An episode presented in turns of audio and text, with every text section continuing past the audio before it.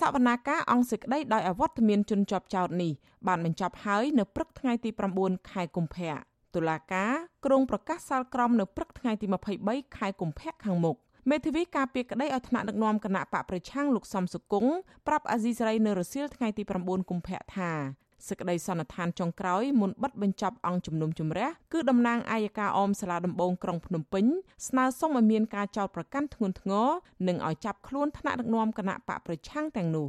សវនាការលើកទី3នេះមានតំណាងការិយាល័យឧត្តមស្នងការអង្គការសហប្រជាជាតិទទួលបន្ទុកផ្នែកសិទ្ធិមនុស្សប្រចាំនៅកម្ពុជា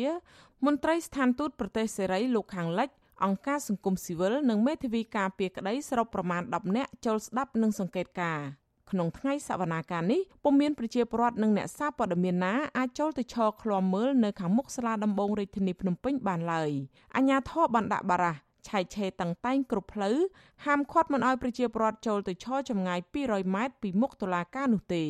បន្ថែមពីនេះអាជ្ញាធរបានបណ្ដេញប្រជាពលរដ្ឋមិនឲ្យចូលទៅអង្គុយក្នុងហាងកាហ្វេនៅក្បែរនោះឡើយអ្នកនាំពាក្យអគ្គស្នងការនគរបាលជាតិលោកឆៃកំខឿនធ្លាប់ឲ្យដឹងថា ការដាក់កងកម្លាំងនៅខាងមុខតុលាការនេះគឺដើម្បីការពារសន្តិសុខសណ្ដាប់ធ្នាប់សាធារណៈជនជាប់ចោតក្នុងសវនាការលើអង្គសេចក្តីនេះរួមមានប្រធានស្ដីទីគណៈបកសង្គ្រោះជាតិលោកសំរងស៊ីលោកអេងឆៃអៀងអ្នកស្រីមូសុខួរលោកអ៊ូចាន់រិតលោកឡុងរីលោកនុតរំដួលលោកហូវ៉ាន់លោកម៉ែនសុថាវរិន និងអ្នកស្រីជូឡុងស៊ូមូរ៉ា កាលពីខែមករាអ្នកស្រីមូសុខួរនិងថ្នាក់ដឹកនាំគណៈបកប្រឆាំងមួយចំនួនទៀតបានទិញសម្បត្តិយន្តហោះត្រឡប់ទៅតតាំងក្តីនៅកម្ពុជាក៏ប៉ុន្តែត្រូវបានខកខានទៅវិញដោយសារស្ថានទូតខ្មែរប្រចាំប្រទេសទាំងនោះមិនចេញទិដ្ឋាការឲ្យពួកគាត់មេធាវីសំសុគងលើកឡើងថា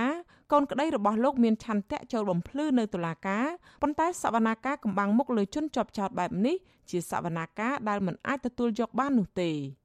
នាយករងទទួលបន្ទុកផ្នែកឃ្លាំមើលសិទ្ធិមនុស្សនៃអង្គការលីកាដូលោកអំសំអាតយល់ថាវិធានការរបស់អាជ្ញាធរនេះគឺជារឿងធ្វើទុកបុកម្នេញផ្នែកនយោបាយជាងការអនុវត្តច្បាប់មន្ត្រីសង្គមស៊ីវិលរូបនេះបន្តថាការធ្វើបែបនេះបានប៉ះពាល់ធ្ងន់ធ្ងរដល់សេរីភាពការជួបប្រជុំរបស់ប្រជាពលរដ្ឋដោយខុសច្បាប់លោកបញ្ជាក់ថា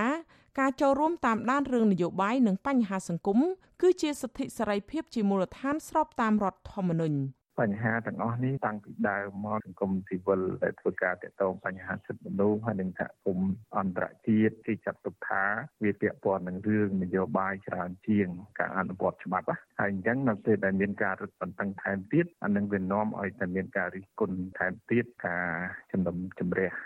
ឬក៏សវនាការព្រឹកមិញដោយមានការដាក់កម្លាំងច្រើនហើយមានការរឹតបន្តឹងតឹងរឹងក្នុងការជួបឬក៏មនុស្សចូលទៅដល់ខាងមុខតុលាការឬក៏អង្គុយហូបអីនៅក្បែរក្បែរនោះដែរបាទតុលាការបានចោទប្រកាន់ក្រុមមេដឹកនាំគណៈបកប្រឆាំង9នាក់ពីបទឧបឃាតដែលមានន័យថាការប្រព្រឹត្តអំពើហិង្សាណាមួយឬច្រើនក្នុងគោលបំណងបង្កឲ្យមានគ្រោះថ្នាក់ដល់ស្ថាប័ននៅកម្ពុជាឬនាំឲ្យប៉ះពាល់ដល់បូរណភាពដែនដីជាតិសំណុំរឿងមួយនេះមានជនជាប់ចោតសរុប21នាក់ក្នុងនោះក៏រួមមានថ្នាក់ដឹកនាំកម្ពុជាមួយចំនួនដូចជាលោកសំរងស៊ីនិងភរិយា